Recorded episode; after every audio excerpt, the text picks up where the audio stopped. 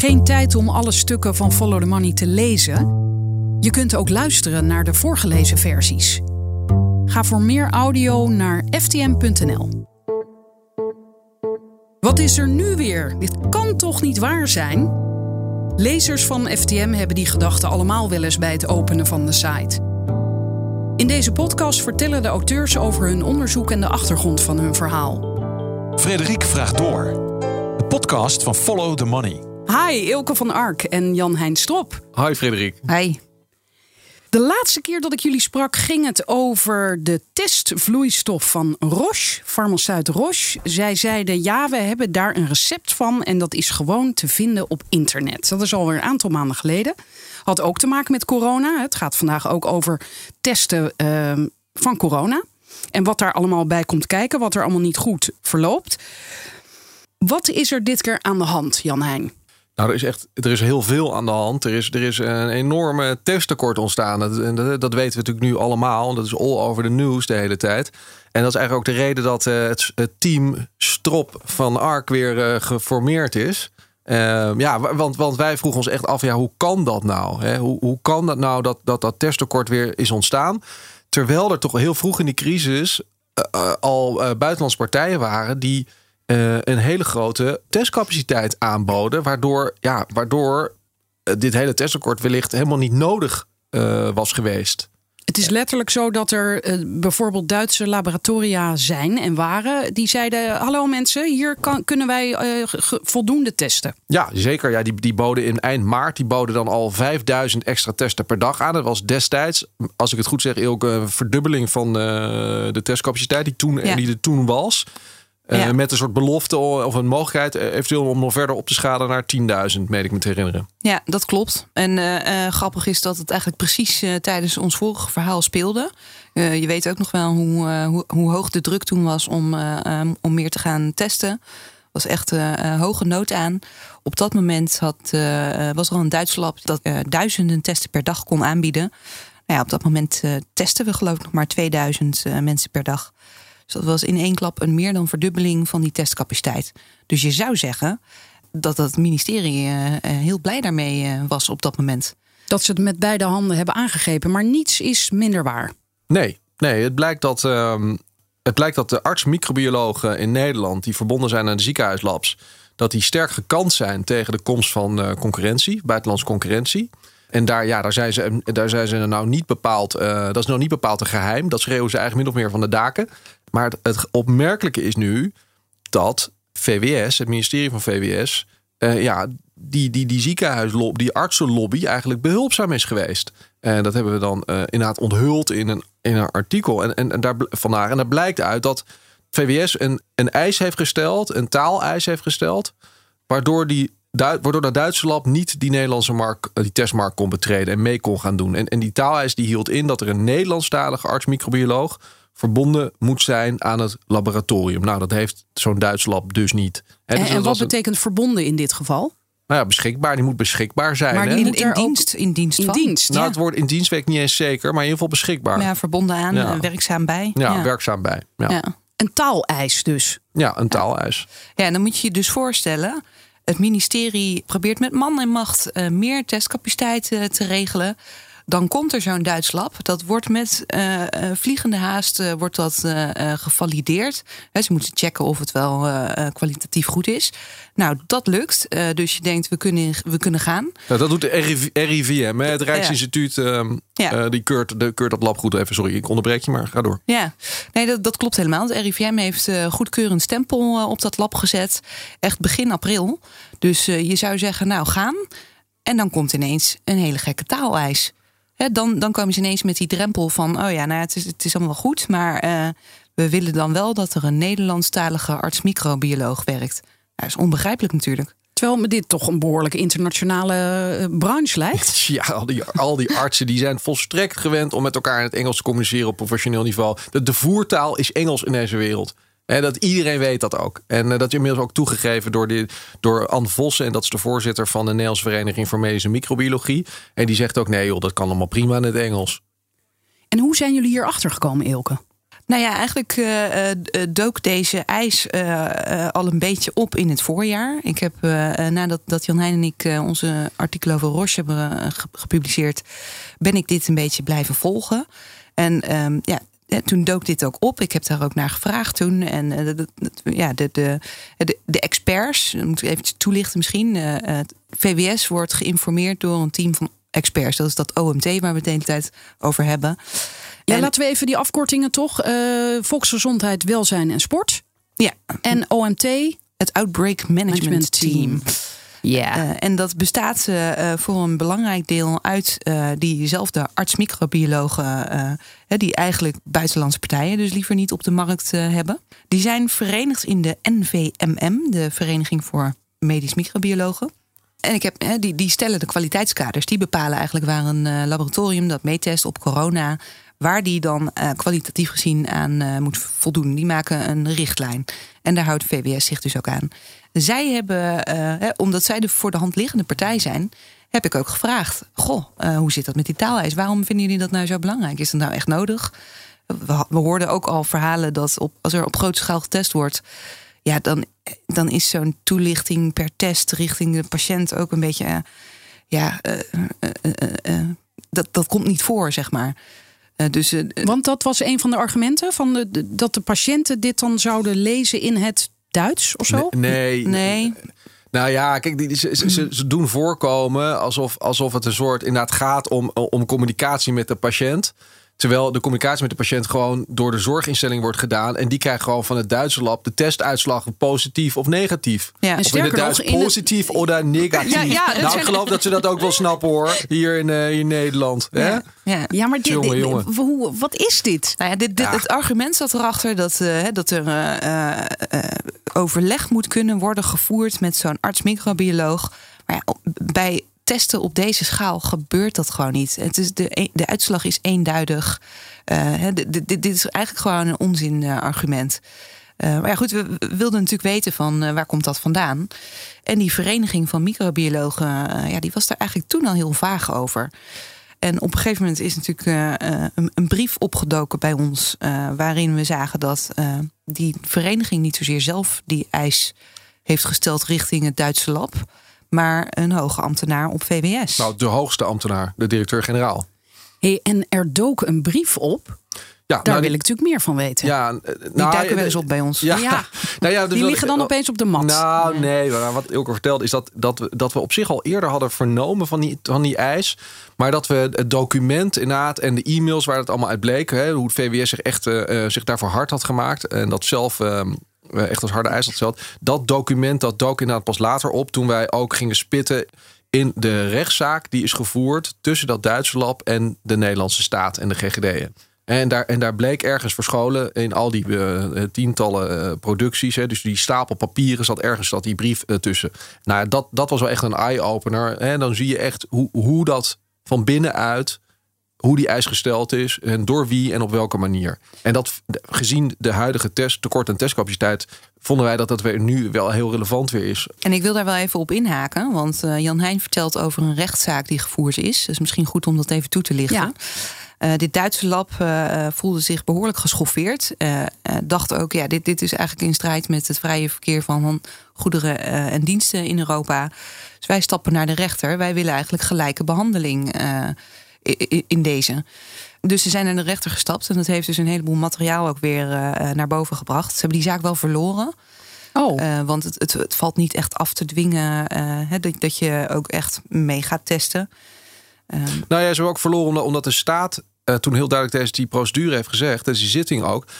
luister, dat, dat, dat, dat lab voldoet aan alle eisen. En ze zeggen, ze kunnen gewoon meetesten als we ze nodig hebben. Alleen ja, we hebben ze nu nodig, want er is nu een overschot aan capaciteit. Dus ja, dat is de enige reden waarom ze niet gevraagd worden. Verder worden ze gewoon gelijk behandeld. Nou, daar is de rechter dus in meegegaan. Want dat was op dat moment het aan de hand. In juli was er meer capaciteit. Althans, dat, dat zegt VWS. We, dat is ook zo. Dat, ja, reden om aan te nemen dat, dat, dat klopt. Dat, dat er toen, en toen was iedereen met vakantie.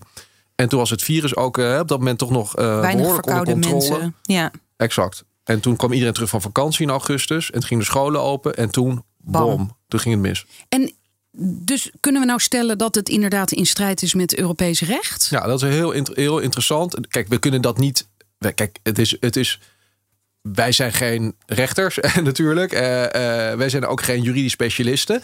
Maar we hebben wel deskundigen geraadpleegd over, uh, over die taaleis. En gevraagd van ja, is dat nou een redelijke eis? Hè? Is, is, dat, is er een uitzondering mogelijk op dat verbod op het opwerpen van belemmeringen in het handelsverkeer tussen Europese staten? Nou, en, en toen zei die advocaat en hoogleraar Europees mededingingsrecht, die zei ja, in principe zijn er uitzonderingen mogelijk op basis van de volksgezondheid bijvoorbeeld. dan moet je wel denken aan een bijsluiter. De eis dat een bijsluiter bij een medicijn in het Nederlands is. dat, soort, dat soort type eisen. Dat kan. Maar deze taaleis, uh -uh, die, is, die kan niet door de beugel. En, uh, want die is helemaal niet noodzakelijk uh, voor de volksgezondheid. Want het gaat om ja, communicatie tussen medische professionals over de uitslag van de test. Dat kunnen ze prima in het Engels doen. En hij is ook niet proportioneel, zoals dat heet in juridische termen omdat we natuurlijk een enorm belang hebben bij heel veel testen. Ja, en dit, we kunnen toch ook spreken van een noodsituatie? Is het dan niet weer anders, Elke?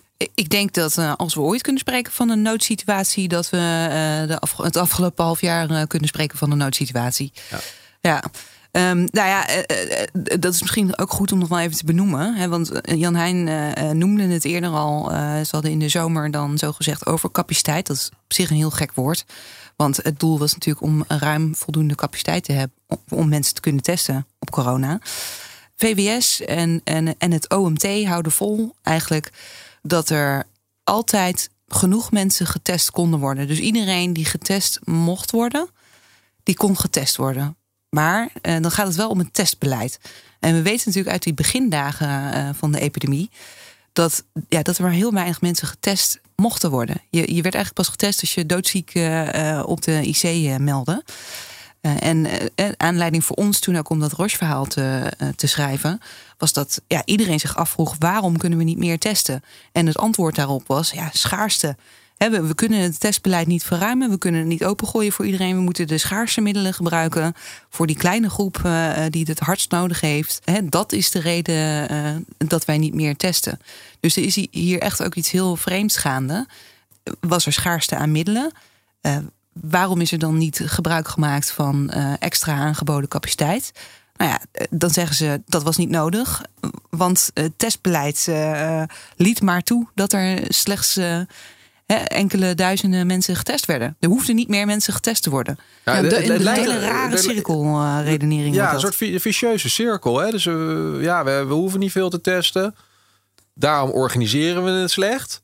En dan ontstaan er tekorten. Uh, en dan zeggen we, oh, nou, laten we maar vasthouden een beperkt testbeleid, want we hebben, we hebben schaarste. En dan als er uh, vervolgens extra capaciteit wordt aangeboden, zeggen we, nee, dat is niet nodig, want iedereen die uh, getest moet worden volgens het beleid kan getest worden. Ja, en, en, tegelijkertijd, Jan Heijn, jij zei eerder dat die, de betrokken artsen ongeveer van de daken schreeuwen dat ze tegen concurrentie zijn. Dus zij geven eigenlijk een ander argument toe, namelijk, we, we hebben gewoon geen zin in die Duitsers, want dan nemen ze de markt over. Nee, en het zou dus, het zou dus kunnen, en dat, dat kunnen we niet bewijzen. Hè, maar je, kunt het, ja, je zou dat kunnen vermoeden.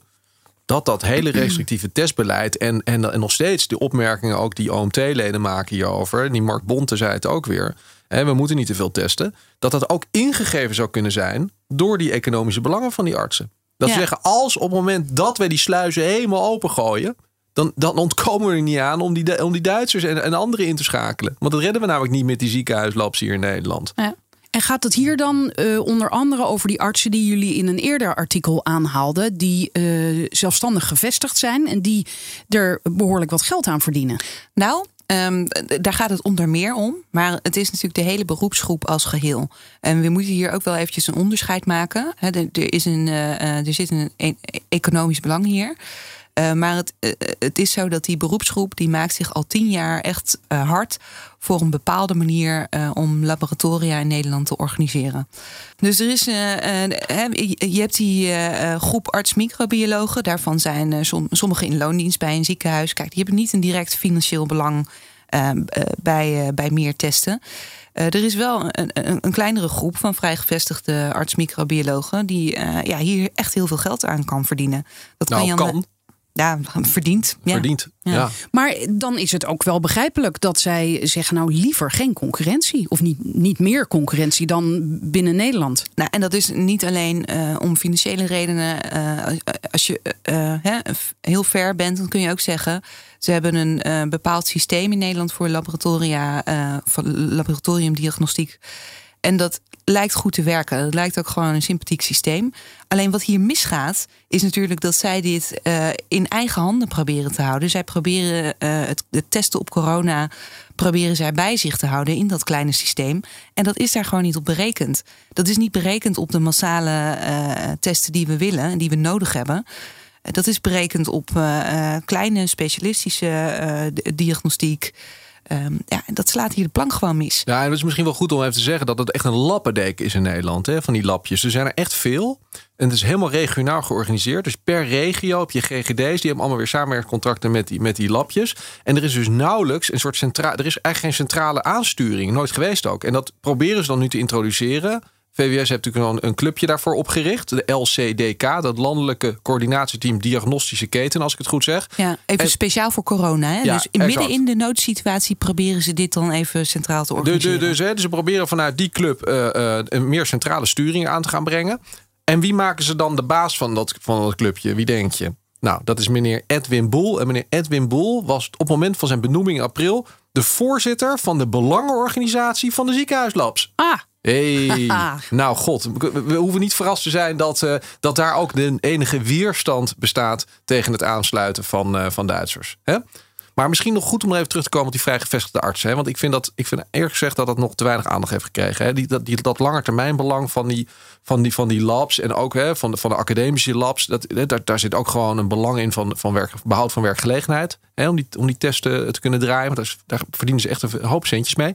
Maar die vrijgevestigde artsen die hebben wel dus dat echte directe financiële belangen. En dat, en dat, en dat is een beetje gek. Want ik weet niet of je weet hoe dat werkt. Maar, maar in Nederland krijgen al die ziekenhuizen tegenwoordig één pot geld van de verzekeraars voor, zorg, voor uh, uh, verzekerde zorg. En dat geld wordt dan verdeeld uh, binnen het medisch specialistisch bedrijf, zo heet dat. En daarin zitten alle artsen die via een maatschap zijn ver, verbonden aan het ziekenhuis. Die zijn dus verenigd in dat medisch specialistisch bedrijf. En die onderhandelen dan met het ziekenhuis over, dat, over de verdeling van, het, van die pot geld. Nou, daar zit dus heel duidelijk maximum aan. Hè. Dus als zij dan heel veel meer doen, dan krijgen ze niet meer geld. Dus die perverse prikkel die in het systeem zat, hoe, hoe meer verrichting, hoe meer verdienen, die is eruit sinds 2015. Maar hoe zit het nou met die coronatesten? Dat onttrekt zich aan dit systeem. Want dat is, uh, die coronatesten worden betaald uit publiek gezondheidsgeld. Openbaar gezondheidszorgbudget heet dat geloof ik. Dat is van VWS. Nou, daar, daar zit helemaal geen caps op. Dus je krijgt gewoon één op één betaald voor die, het uh, doen van die test. 65 euro per test. En het is dus mogelijk dat dat ziekenhuis uh, dat één op één ook doorberekent in het honorarium van die arts-microbiologen die vrijgevestigd zijn. Nou, en, en, en dat neemt zulke ernstige vormen aan dat, dat zelfs de belangenvereniging of de beroepsvereniging van medisch microbiologen heeft gezegd: oi, het loopt nu wel erg de spuigaten uit uh, met, met de verdiensten. Uh, wij doen een dringende oproep om, uh, aan u om het ziekenhuis te vragen om in overleg met het ziekenhuis uw eigen inkomen te matigen. Ja, ja, en dat zullen we eens gaat vast raden, gebeuren. Zullen we eens raden hoeveel artsen Ja. hun tonnetjes gaan inleveren? Maar hier speelt natuurlijk, denk ik, ook weer een, een psychologisch aspect. Namelijk omdat het een noodsituatie is, vinden we, zeg ik maar even, dit soort dingen misschien wat minder erg of zo? Nou, uh, ik, uh, ik zou zeggen, eigenlijk zouden we dit uh, juist veel erger moeten vinden in deze noodsituatie. Kijk, het is begrijpelijk dat je uh, in een tunnelvisie uh, kan raken, zeg maar, als gehele beroepsgroep. En uh, ja, het is ook begrijpelijk dat mensen handelen naar economisch belang. Maar in een noodsituatie als deze staan er gewoon echt duizenden levens op het spel. De oversterfte in Nederland is, ik geloof, drie keer zo hoog als in Duitsland. Dat, ja, dan wordt er wel gezegd dat kun je niet één op één aan elkaar relateren. Ik ben geen wetenschapper, maar de feiten liggen er. Ja, maar en los van dooien, ik bedoel, uh, ik bedoel het niet uh, denigrerend of iets, maar uh, er is ook gewoon een heel groot economisch belang gemoeid met dat testen. nee, maar dit is toch juist zo? Daar hebben we het nou juist over, toch? Ja. Ja, exact. Dus we, we, moeten, als we hier uit willen komen, iedereen aan het werk willen houden. En, uh, en, en, en, niet iedereen zit, moet, kan en hoeft thuis te zitten. Ja, dat, dat kan alleen op het moment dat er veel getest wordt. Ja. Ja, ja, dus het testen moet sowieso uh, meer gedaan worden, bedoel je? Ja, iedereen Zeker. moet gewoon. Ik denk dat iedereen de komende ander voordat dat vaccin er is, moet iedereen zich gewoon als als, als je maar iets voelt of, uh, hè, of er iets in contact is geweest met iemand die die wellicht gehad heeft, moet gewoon hop eh, snel getest kunnen worden. En, Kijk- en dan kan hij weer gewoon naar zijn werk toe. Kijk, kijk naar afgelopen week. Eh, ouders zitten eh, een week thuis met hun kinderen met een snot- een snotneus. Omdat ze dagen moeten wachten tot er een, eh, een test eh, uitgevoerd kan worden. Dat, dat, Nou ja, ik, ik ben zelf ook ouder. Ik, ik heb ook al een paar keer nu weer dagen thuis moeten zitten. Om de, precies om deze reden. De juf, die, juf die, die, eh, die, die meldt zich bij de GGD Amsterdam ochtends. Kan niet terecht. Eh, kan twee dagen later pas naar Zaandam. En moet daarna vervolgens nog 48 uur wachten op de uitslag. En bedankt. Ik kan, niet, eh, ik kan mijn werk niet doen. Jij kan wel thuiswerken. Ja, met een kleuter. Ja. Want hoe, hoe heb je anders dit artikel gemaakt? Of, of heeft Ilke alles geschreven? nee joh. Hey, hoe, hoe lastig was het om dit? Want jullie zeiden eerder, eh, we- kregen wat documenten. Maar hoe lastig is dit geweest om boven tafel te krijgen? Nou, ja, we hebben, eh, we hebben vorige week ook al een, eh, een artikel hier, eh, hierover geschreven. Over eh, de economische belangen die hier op de achtergrond spelen. Dan wel op de voorgrond. Dan wel op de voorgrond. ja, weet je, het- is voor ons gewoon natuurlijk eh, onderzoekswerk. En dat is niet moeilijker dan anders. Maar ik denk wel dat we, eh, dat we de afgelopen weken wel met een heel andere. ja, of met veel scherper nog eh, hebben gekeken hoe gaan we dit opschrijven.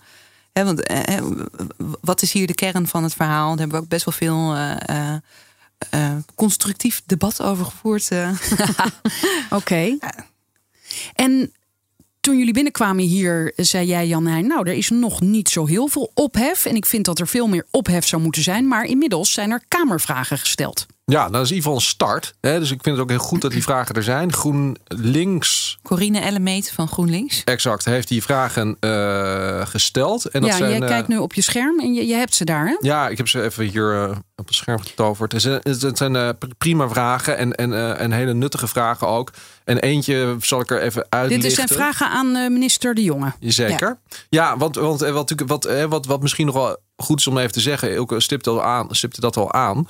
Eh, is dat natuurlijk al sinds maart meneer Hugo de Jonge roept... we moeten heel veel gaan testen. Ja, en we gaan ja. alles in het werk stellen om het voor elkaar te krijgen. En, we- en, we, en we zorgen dat het klaar staat, de capaciteit. En we gaan naar 100.000 testen in, in, Kosten in, nog moeite wordt Kost- gespaard. Precies. En we gaan naar 100.000 testen voor het snotterseizoen. Hè, deze herfst die eraan komt. Dat roept hij al sinds maart. En vervolgens in april gaat zijn eigen top van zijn departement... gaat, eh, gaat de Duitsers tegenwerken. Nou, dat, dat, dat is natuurlijk heel opmerkelijk. Nou, tegen die achtergrond eh, vonden we die vragen dus ook hartstikke goed. En eh, bijvoorbeeld, we- een van die vragen is... Nummer 8, kunt u toelichten of er meer laboratoria zijn geweerd op soortgelijke gronden? Nou, dat is wel een antwoord waar wij zeer nieuwsgierig naar zijn. Ja, en Ja. dan zou het, zouden er ook nog eh, laboratoria uit andere landen geweerd kunnen zijn? Ja, dat zou zeker eh, een mogelijkheid zijn. Eurofins. Frans Lab. Die, waar, daar is dus ook nu een deal mee. En ik heb, we hebben begrepen dat die ook al lange tijd gelobbyd hebben om, eh, om mee te kunnen doen. Wat absurd is natuurlijk. Dat je moet lobbyen om, eh, eh, om, om een probleem eh, te Ja. helpen oplossen. Ja. Ja. Maar wat, wat is nou de kern? Wat is nou. Nou, nog heel even bij dat Franse lab bijvoorbeeld. Is daar dan iemand aangelieerd die Nederlands spreekt?